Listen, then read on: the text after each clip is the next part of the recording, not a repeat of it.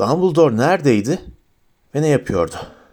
Müdür sonraki birkaç hafta boyunca ancak iki kez Harry'nin gözüne çarptı. Artık yemekleri de ender olarak geliyordu ve Harry onun okulu bazen günlerce terk ettiğini düşünen Hermione'nin haklı olduğundan emindi. Dumbledore Harry'e vermesi gereken dersleri unutmuş muydu? Bu derslerin kehanetle ilgili bir şeye varacağını söylemişti.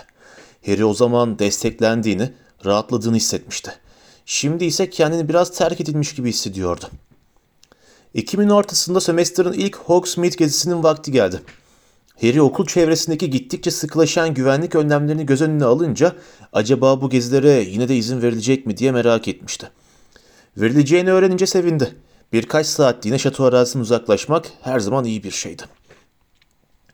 Harry gezi sabah erkenden uyandı. Hava fırtınalıydı. Kahvaltıya kadar ileri iksir yapımı kitabını okuyarak vakit geçirdi. Genelde yatağında yatıp ders kitabı okumazdı. Ron'un haklı olarak söylediği gibi bu tür davranışlar böyle bir acayipliği olan Hermione hariç herkes için yakışıksız davranışlardı.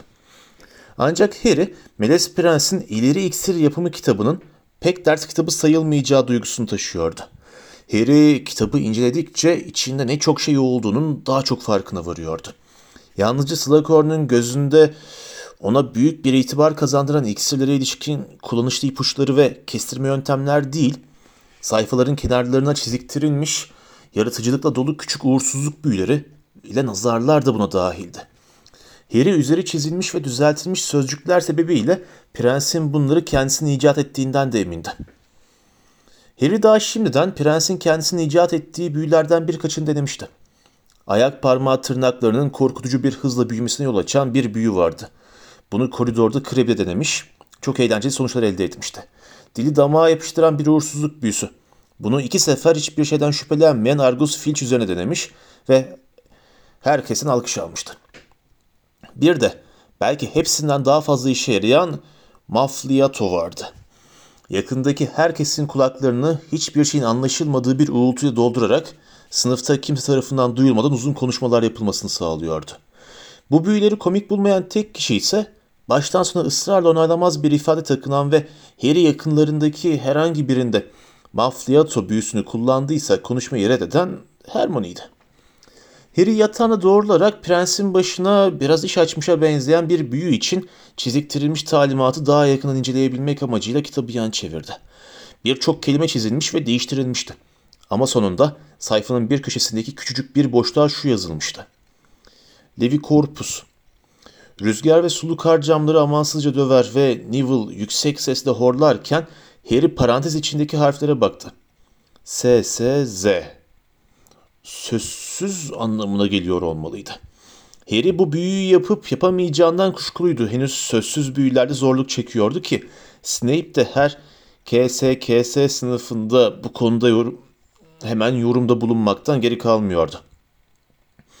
Öte yandan Prens şimdiye kadar Snape'ten çok daha etkin bir öğretmen olduğunu kanıtlamıştı.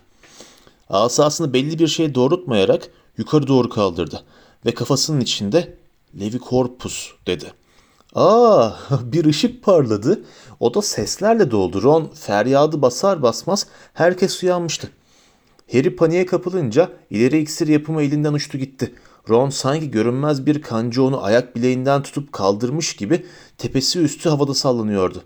Özür dilerim, özür dilerim diye bağırdı Harry. Dean ve Seamus kahkahalarla sarsılıyordu. Yatağından düşen Neville da yerden kalkmakla meşguldü. Dayan seni indireceğim. El yordamıyla iksir kitabını aradı ve panik içinde doğru yeri bulmaya çalışarak sayfalarını karıştırdı. Sonunda buldu ve büyünün altında kargacık burgacık yazılı bir kelimeyi çözdü. Harry bunun uğursuzluk büyüsünü bozacak karşı büyü olduğunu ümit ederek tüm gücüyle Libera Corpus diye düşündü. Yeniden bir ışık parladı ve Ron şiltesinin üzerine yığıldı. Özür dilerim diye tekrarladı Harry halsiz halsiz. Bu arada Dean ile Seamus kahkahalarla sarsılmaya devam ediyordu. Yarın dedi Ron boğuk bir sesle. Çalar saat kurmanı tercih ederim. Bayan Weasley'nin el örgüsü kazaklarından birkaç tanesini üst üste giyip pelerinlerini, atkılarını ve eldivenlerini ellerine aldıklarında Ron'un şok duygusu azalmıştı ve Harry'nin yeni büyüsünün son derece eğlenceli olduğuna karar vermişti. Hatta öyle eğlenceliydi ki kahvaltıya oturduklarında Hermione'yi de bu hikayeyle eğlendirmekte hiç vakit kaybetmedi. Ve sonra yeniden ışık parladı ve yeniden yatağa indim diye sırıttı Ron sosis atıştırarak. Hermione bu anekdot nakledilirken hiç mi hiç gülümsememişti. Buz gibi bir kınama ifadesiyle Harry'e döndü. Sakın bu büyü o senin iksir kitabındaki büyülerden biri olmasın diye sordu. Harry kaşlarını çattı. Hep en berbat sonuca varırsın değil mi? Öyle miydi? Şey... Evet öyleydi. Ne olacak? Demek ki hiç bilinmeyen elle yazılmış bir büyülü sözü deneme, deneyip ne olacağını göreyim dedin öyle mi? Ee, elle yazılmışsa ne olacak? dedi Harry. Sorunun geri kalanına cevap vermemeyi tercih ederek. Çünkü herhalde sihir bakanının onayına sahip değildir o zaman dedi Hermione. Ve ayrıca diye ekledi. Harry ve Ron gözlerini devirirken. Bu prens denen karakterin biraz tehlikeli olduğunu düşünmeye başlıyorum. Hem Harry hem de Ron anında bağırarak onu susturdular. Komikti dedi Ron. Bir şişe ketçabı sosislerin üzerine boca ederek. Komikti o kadar Hermione. İnsanları ayak bileklerinden tepe üstü sarkıtmak mı? dedi Hermione. Kim böyle büyüler yapmak için zamanını ve enerjisini harcar? Fred ve George dedi Ron omzunu silkerek. Tam onlara göre bir şey ve e, babam dedi Harry. Bunu yeni hatırlamıştı. Ne? dediler Ron ve Hermione bir ağızdan. Babam bu büyüyü kullanıyordu dedi Harry. Ben e, bana Lupin söyledi. Son kısmı doğru değildi aslında. Harry babasının bu büyüyü Snape'e yaptığını görmüştü ama Ron'a da Hermione ile düşünselinde de yaptığı yolculuktan asla söz etmemişti. Şimdi harika bir olasılık gelmişti aklına. Acaba Melez Prens... Belki baban kullanıyordur Harry, dedi Hermione. Ama kullanan tek kişi o değil. Bir sürü insanın bunu yaptığını gördük. Unuttunsa eğer insanları havada sallandırmak, onların uykudayken, çaresizken havada süzülmelerine yol açmak. Harry ona baka kaldı içinde bir endişe hissiyle. O da ölüm yiyenlerin Quidditch Dünya Kupası'ndaki davranışlarını hatırlamıştı. Ron yardımına koştu.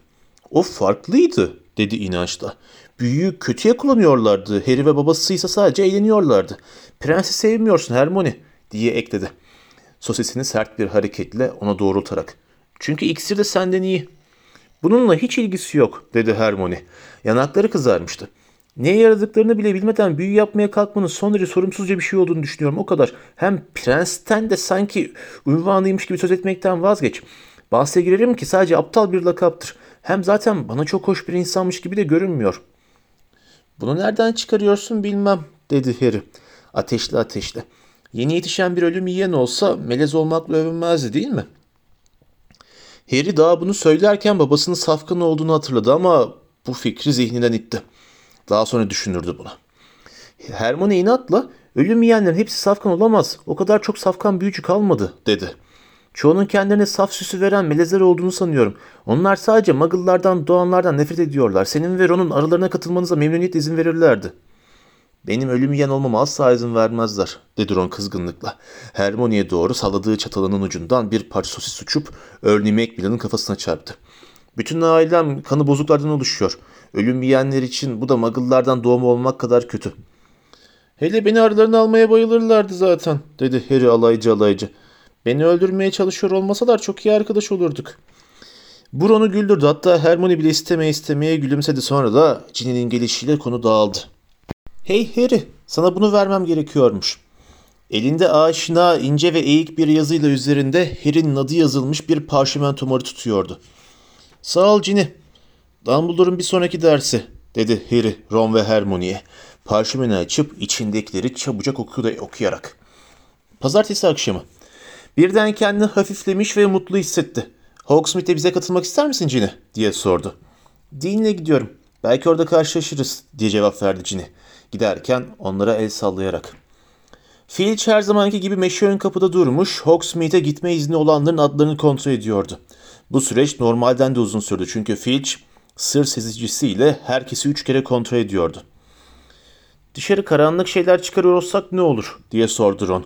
Uzun ince sır seziciyi kaygıyla gözleyerek. İçeri ne getirdiğimizi kontrol etmen gerekmiyor mu asıl? Bu küstahlık seziciyle fazladan birkaç kez daha dürtülmesine sebep oldu. Rüzgarla sulu kara çıktıklarında hala yüzünü buruşturuyordu. Hogsmeade'e yürüyüş işte keyifli değildi. Harry atkısını yüzünün alt tarafına sardı. Yüzünün açıkta kalan kısmı çok geçmeden hem açık yara gibi hassaslaştı hem de uyuştu. Köy yolu yakan rüzgara karşı iki büklüm yürüyen öğrencilerle doluydu. Harry acaba sıcak ortak salonda daha iyi vakit geçirmez miydik diye kendi kendine merak etti birkaç kere. Sonunda Hogsmeade'e varıp da Zonko'nun şaka dükkanının tahtalarla kaplandığını gördüklerinde ise gezinin eğlenceli olmayacağının daha baştan belli olduğunu düşündü. Ron kalın eldivenli eliyle neyse ki açık olan bal yumruğu işaret etti. Harry ile Hermione onun arkasından sendeleyerek kalabalık dükkana girdiler. Sıcak şekerleme kokan hava onları sardığında Ron titreyerek hmm, Tanrı'ya şükür dedi. Bütün öğleden sonra burada kalalım. Arkalarından top gibi gürleyen bir ses Harry oğlum dedi. Ay hayır diye mırıldandı Harry. Üçü arkalarına döndüklerinde Profesör Slughorn'u gördüler. Muazzam büyüklükte kürklü bir şapkayla ona uyan kürk yakalı bir palto giymiş, koca bir şeker kaplanmış ananas torbasına sıkı sıkı sarılmıştı. Ve dükkanın en az dörtte birini kaplıyordu. Harry dedi Slughorn yavaşça onun göğsünü dürterek. Şimdiye kadar kaçırdığım mütevazı yemeklerimin sayısı üç oldu. Olmaz ama oğlum seni yemeğimde görmeye kararlıyım. Bayan Granger onlara bayılıyor değil mi? Evet dedi Hermione çaresizce. Gerçekten de o halde niye sen de gelmiyorsun Harry diye sordu Slughorn. Şey Quidditch antrenmanım vardı profesör dedi Harry. Sahiden de ne zaman Slughorn ona mor kurdeleyle süslü küçük davetiyelerden birini gönderse Harry bir antrenman koyuyordu. Bu strateji Ron'un yalnız kalmadığı anlamına geliyordu ve Ginny ile birlikte McLaggen ve Zabin ile tıkılıp kalmış Hermione'yi hayal ederek gülüyorlardı.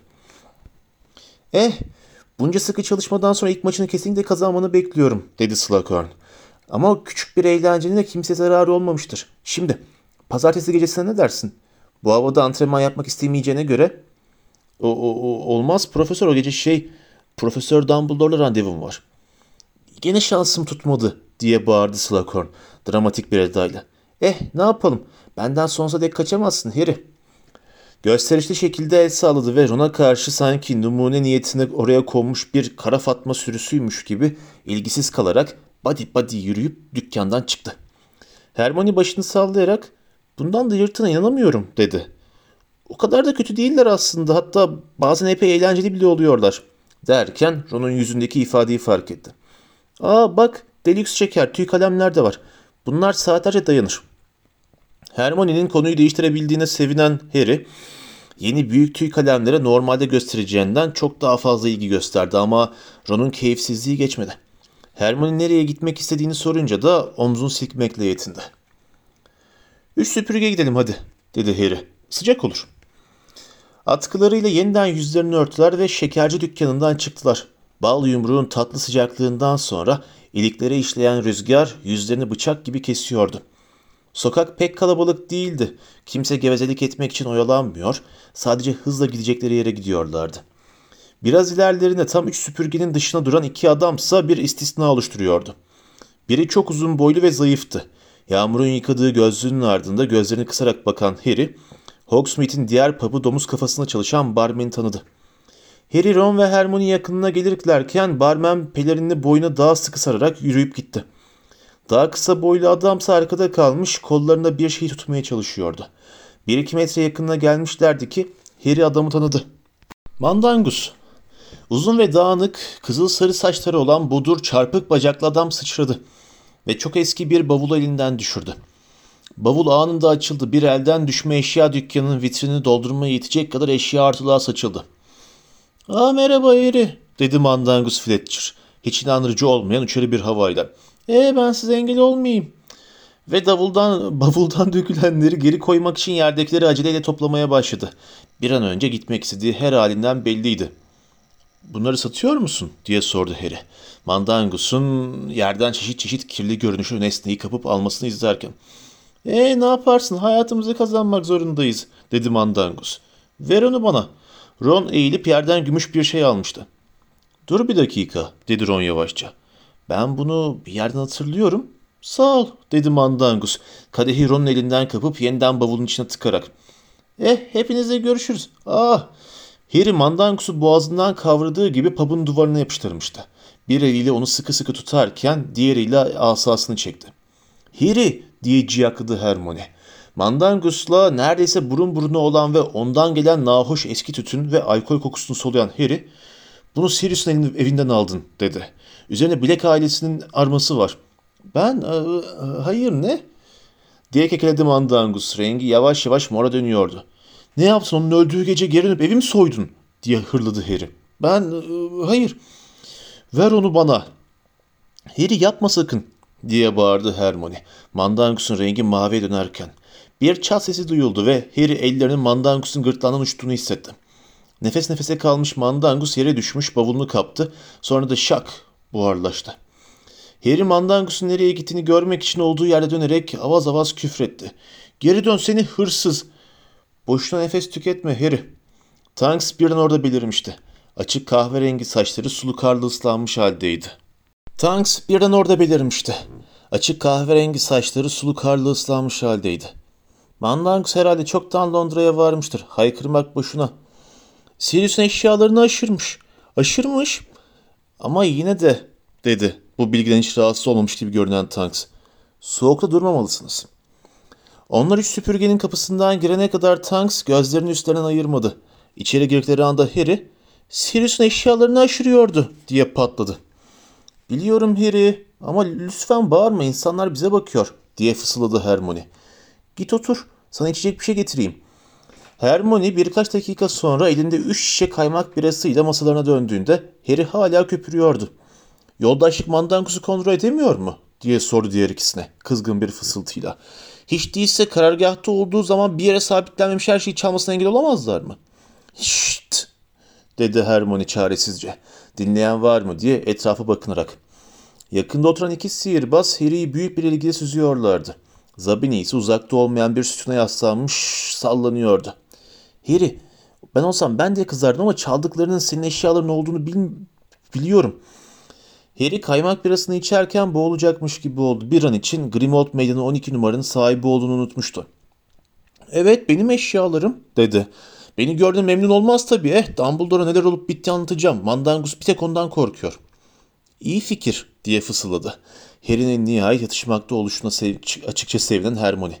Ron sen gözünü dikmiş neye bakıyorsun öyle? Hiç dedi Ron. Bakışlarını hemen bardan kaçırdı ama Harry onun uzun süredir düşkün olduğu biçimli vücutlu çekici Madame Rosmerta ile göz göze gelmeye çalıştığını biliyordu. Sanırım hiç. Arkada biraz da ateş viskisi alıyor, dedi Hermione huysuz huysuz. Ron bu alayı duymazdan gelerek belli ki kendisinin vakur bulduğu bir sessizlikle içkisini yudumladı. Harry Sirius'u ve onun aslında o gümüş kadehlerden ne kadar nefret ettiğini düşünüyordu. Hermione gözleri Ron'la bar arasında gidip gelerek parmaklarıyla masada trompet çalıyordu. Harry şişesindeki son yudumu da içince Hermione bugünlük bu kadar deyip okula dönelim mi ne dersiniz dedi. Diğer ikisi başlarına evet anlamına salladılar. Eğlenceli bir gezi olmamıştı. Onlar kaldığı sürece de hava giderek daha da beter bir hal alıyordu. Bir kez daha pelerinlerine sıkıca sarındılar. Atkılarını yeniden düzelttiler. Eldivenlerini giydiler ve Ketibel ile bir arkadaşının ardına düşüp pub'dan geri High Street'e çıktılar. Buza dönmüş çamurlu karların arasından Hogwarts'a gider, giden yolda doğru zahmetle yürürken Harry'nin aklı Ginny'e gitti. Onunla karşılaşmamışlardı. Kuşkusuz diye düşündü Harry. O ve Dean, Madame Puddifoot çayhanesine mutlu çiftlerin uğrak yeri olan o sıcacık, rahat yere kapanmışlardır. Harry suratını buruşturup başına döne döne yağan sulu karın karşısında eğdi ve ayaklarını sürüyerek yürümeye devam etti. Harry Ketibel'le arkadaşının rüzgarın kendisine taşıdığı seslerinin daha tiz ve yüksek bir hal almış olduğunu az sonra fark etti. Onların belirsiz şekillerini görmek için gözlerini kıstı. İki kız Ket'in elinden tuttuğu bir şey üzerine tartışıyorlardı. Harry onun seninle bir ilgisi yok Leon dediğini duydu. Dar yolda bir köşeyi döndüler. Sulu kar sık ve hızlı yağıyor. Harry'nin gözlerini flulaştırıyordu. Tam onu silmek için eldive, eldivenini kaldırmıştı ki Leon Kate'nin tuttuğu paketi yakalamak için hamle yaptı. Kate'i geri çekince paket yere düştü. Katie bir anda havaya yükseldi. Ron'un başına geldiği gibi komik bir şekilde ayak bileğine asılarak değil, sanki uçmak üzereymiş gibi kollarının iki yana açılmış olarak zarafetle. Ama yine de yanlış olan tekinsiz olan bir şey vardı. Sert rüzgar saçını başını dağıtıyordu ama gözleri yumuluydu. Yüzünde de neredeyse hiçbir ifade yoktu. Harry, Ron, Hermione ve Leon dördü de oldukları yerde durmuş bakıyorlardı. Sonra yerin iki metre üstünde Katie müthiş bir çığlık kopardı. Gözleri bir anda açıldı ama görebildiği şey ya da hissettiği her neyse o belli ki Katie'ye korkunç bir ıstırap veriyordu. Haykırdı, haykırdı. Lien de haykırmaya başladı ve Katie'nin ayak bileklerini yakalayarak onu yere indirmeye çalıştı.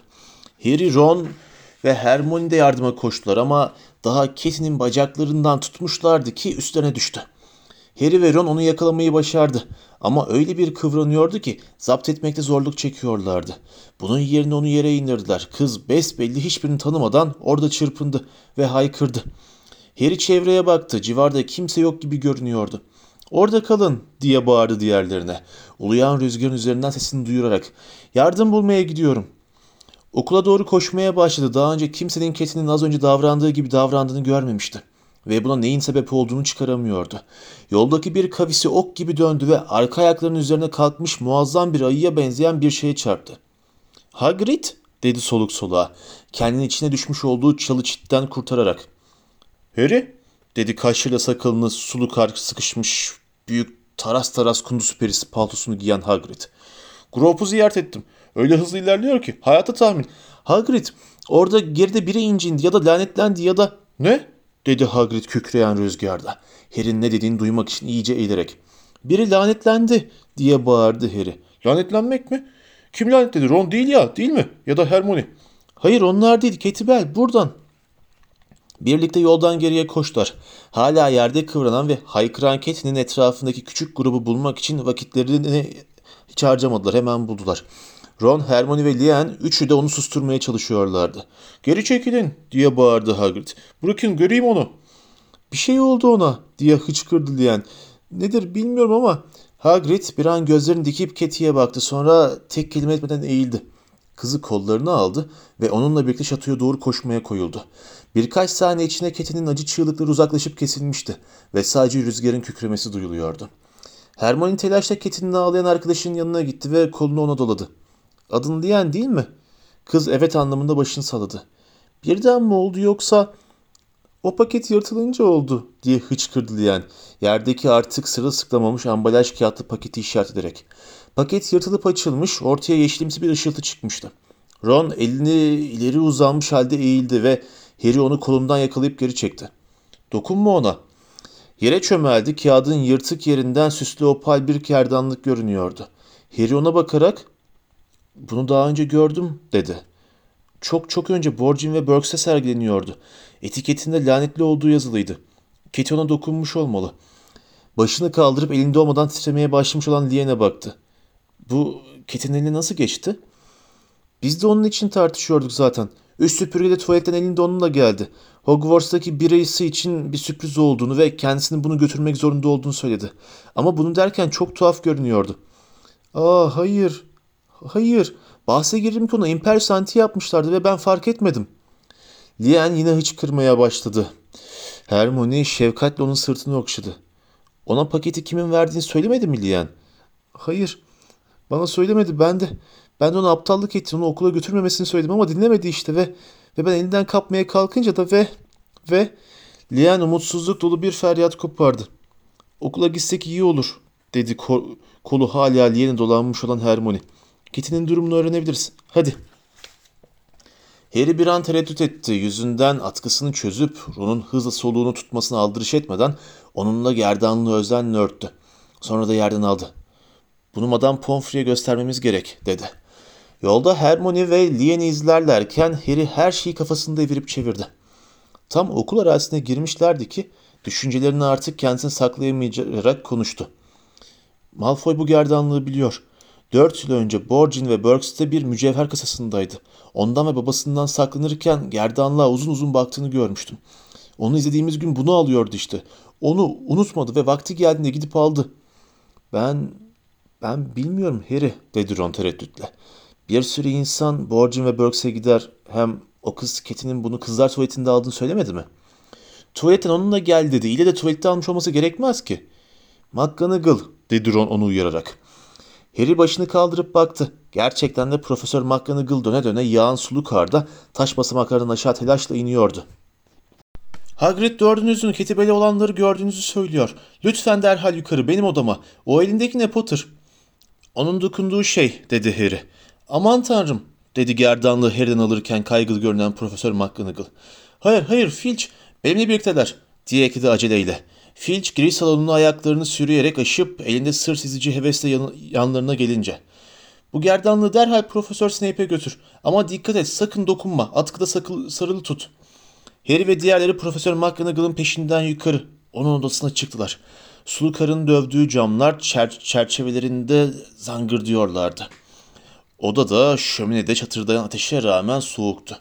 Profesör McGonagall kapıyı kapattı ve masasının arkasına geçerek yüzünü Harry, Ron, Hermione ve hala hıçkıran Lien'e döndü. Ee dedi sert bir sesle. Ne oldu? Lien tereddüt ederek ağlamasını kontrol altına almaya çalışırken zaman zaman duraklayarak Profesör McGonagall'a Cat'in üç süpürgede tuvalete nasıl gittiğini ve üzerinde hiçbir işaret olmayan paketi elinde tutarak nasıl geri döndüğünü, Cat'in nasıl biraz tuhaf göründüğünü, bilinmeyen nesneleri teslim etmenin uygunluğu konusunda tartıştıklarını, bu tartışmanın paketi almak için bir itişip kakışmayla sonuçlandığını, paketin de yırtılıp açıldığını anlattı. Liam bu noktada öylesine zayıf düşmüştü ki artık ağzından tek kelime almak mümkün olmadı. Pekala dedim Profesör McGonagall şefkatsiz olmayan bir edayla. Hastane kanadına git lütfen Lian ve Madame Pomfrey'den sana şok için bir şeyler vermesini iste. O odadan çıkınca Profesör McGonagall Harry, Ron ve Hermione'ye döndü. Kitty gerdanlığa dokunduğunda ne oldu?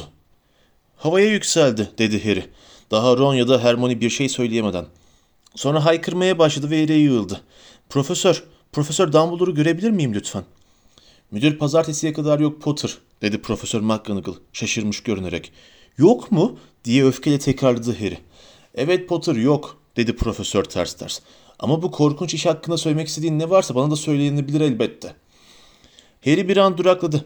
Profesör McGonagall insanı içine açmaya teşvik eden türden biri değildi. Dumbledore ise birçok yönden daha göz korkutucu olduğu halde bir teoriyi küçük görmeye daha az meyilli gibiydi. Bu teori ne kadar çılgınca olursa olsun. Öte yandan bu bir ölüm kalım meselesiydi. Ya bana gülerlerse diye kaygılanmanın sırası değildi. Bence Katie o gerdanlığı Draco Malfoy verdi profesör. Bir yandan Ron apaçık bir sıkıntıyla burnunu ovuşturdu. Öbür yanında Hermione ise sanki kendisiyle Harry arasına biraz mesafe koymak istiyormuşçasına ayaklarını sürdü. Bu çok ciddi bir suçlama Potter, dedi Profesör McGonagall. Şokun yol açtığı şaşkın bir sessizliğin ardından. Kanıtın var mı? Hayır, dedi Harry. Ama ve ona Malfoy'u Borgin ve Burks'e kadar izlemelerini, onunla Borgin arasında geçen kulak misafir oldukları konuşmayı anlattı. Konuşmayı bitirdiğinde Profesör McGonagall biraz kafası karışmış görünüyordu. Malfoy bir şeyi tamir ettirmek için Borgin ve Burks'e mi götürdü? Hayır profesör, sadece Borgin ona bir şeyi nasıl tamir edebileceğini söylemesini istiyordu. O şey yanında yoktu. Ama konu bu değil. Konu şu ki, aynı zamanda bir şey de satın aldı ve ben bunun o gerdanlık olduğunu sanıyorum. Malfoy'u dükkandan benzer bir paketle çıkarken mi gördün? Hayır profesör, Borgin'den dükkanda onu kendisi için saklamasını istedi. Ama Harry diye lafa karıştı Hermione. Ona yanında götürmek ister mi diye sordu. Malfoy hayır dedi. Ona dokunmak istemiyordu da ondan besbelli dedi Harry öfkeyle. Aslında söylediği şuydu dedi Hermione. Sokakta onu taşımaya kalkarsam nasıl görünürüm? Eh bir gerdanlık taşırken de bayağı salak gibi görünürsün diye araya girdi Ron. Ay Ron dedi Hermione umutsuzca. Paketlenmiş olacaktı. Bu yüzden onun dokunması gerekmeyecekti. Bir pelerin içine saklamak da hayli kolay. Onun için kimse göremeyecekti. Bence Borgin ve Burks'te her ne saklıysa gürültülü ya da büyük bir şeydi. Sokakta taşırsa dikkati üzerine çekeceğini bildiği şey ve zaten diye yüksek sesle devam etti. Harry araya giremeden. Borgin'e gerdanlığı sormuştum hatırlamıyor musun? Malfoy'un ondan neyi saklaması istediğini anlamak için içeri girdiğimde gerdanlığı orada gördüm ve Borgin de bana sadece fiyatını söyledi. Çoktan satıldı falan demedi. Eh öyle belliydi ki numara yaptın. Beş saniye neler çevirdiğini anladı. Elbette sana söylemez. Neyse Malfoy o günden sonra onu istetmiş olabilir. Hermione cevap vermek için ağzını açarken hayli kızgın görünen Profesör McGonagall bu kadar yeter dedi.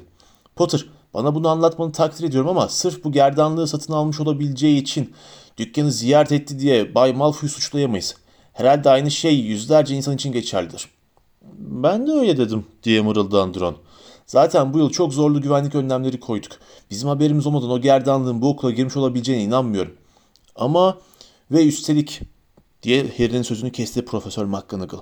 Son sözü söylercesine heybetli bir tavırla. Bay Malfoy bugün Hogsmeade'de değildi. Harry ağzı açık süngüsü düşmüş ona bak baka kaldı. "E, Nereden biliyorsunuz profesör? Çünkü benimle cezadaydı. Arka arka iki kez biçim değiştirme ödevini tamamlamadı. Bu yüzden de şüphelerini bana söylediğin için teşekkürler Potter. Dedi yanlarından yürüyüp geçerken. Ama şimdi Ketibel'in durumunu kontrol etmek için hastane kanadına gitmem gerekiyor. Hepinize iyi günler. Odasının kapısını açık tuttu. Tek kelime etmeden sıra halinde yanından geçmek dışında bir seçenekleri kalmamıştı. Harry McGonagall'ın tarafını tuttular diye diğer ikisine kızgındı ama yine de olup bitenleri tartışmaya başladıklarında kendini lafa karış- karışmak zorunda hissetti. Peki, sizce Keti gerdanlığı kime verecekti? diye sordu Ron. Ortak salona giden merdivenleri tırmanırlarken. Kim bilir, dedi Hermione. Ama her kimse kıl payı kurtuldu. Kimse gerdanlığa dokunmadan o paketi açamazdı. Bir sürü kişi için olabilir, dedi Harry. Dumbledore, ölüm yiyenler ondan kurtulmaya bayılırdı. Baş hedeflerinden biri olmalı. Ya da Slughorn, Dumbledore, Voldemort onu gerçekten istediğini düşünüyor. Öyleyse Dumbledore'un tarafına geçmesi de hoşlarına gitmiş olamaz. Ya da... Ya da sen, dedi Hermione kaygılı görünerek. O, o- olamaz, dedi Harry. Yoksa Katie yolda geri dönüp onu bana verirdi. Olup biterdi değil mi? Üst çıktıktan sonra hep onun arkasındaydım. Filch'in gelen giden herkesi aradığını düşünürseniz bana paketi Hogwarts dışında vermesi çok daha akla yakın olurdu. Acaba Malfoy niye ona paketi şatoya getirmesini söyledi? Harry, Malfoy Hogsmeade'de değildi, dedi Hermione sinirden resmen tepinerek. Demek ki bir yardakçısı vardı, dedi Harry. Crabbe ya da Goyle ya da şimdi düşündüm de bir başka ölüm yiyen. Artık onlara katıldığına göre Crabbe ve Goyle'dan çok daha iyi arkadaşları vardır. Ron ve Hermione açık bir şekilde onunla tartışmanın hiçbir anlamı yok diyen bakışlarla birbirlerini süzdüler. Nefis harç dedi Hermione kendinden emin bir sesle. Şişman hanımın yanına vardıklarında. Portre onları ortak salona buyur etmek için savrularak açıldı. Salon hayli doluydu. Islak giysi kokuyordu. Çoğu kişi kötü hava nedeniyle Hogsmeade'den erken dönmüş görünüyordu. Korkunun ve her kafadan çıkan tahminlerin yarattığı o uğultu da yoktu. Anlaşılan Ketinin başına gelen felaketin haberi henüz yayılmamıştı. Aslında şöyle bir durup düşünecek olursan ustaca bir saldırı değildi dedi Ron. Kendi oturmak için ateşin başındaki iyi bir koltuğa da oturan birinci sınıf öğrencisini kayıtsızca kovalayarak. Lanet şatoya giremedi bile. Pek de kusursuz denemez. Haklısın dedi Hermione ayağıyla onu dürterek. Koltuktan kaldırıp burayı yine birinci sınıf öğrencisine sunarken. Hiç de iyi planlanmamıştı. İyi ama diye sordu Harry. Malfoy ne zaman dünyanın büyük düşünürlerinden biri oldu ki zaten? Ron da Hermione de ona cevap vermedi.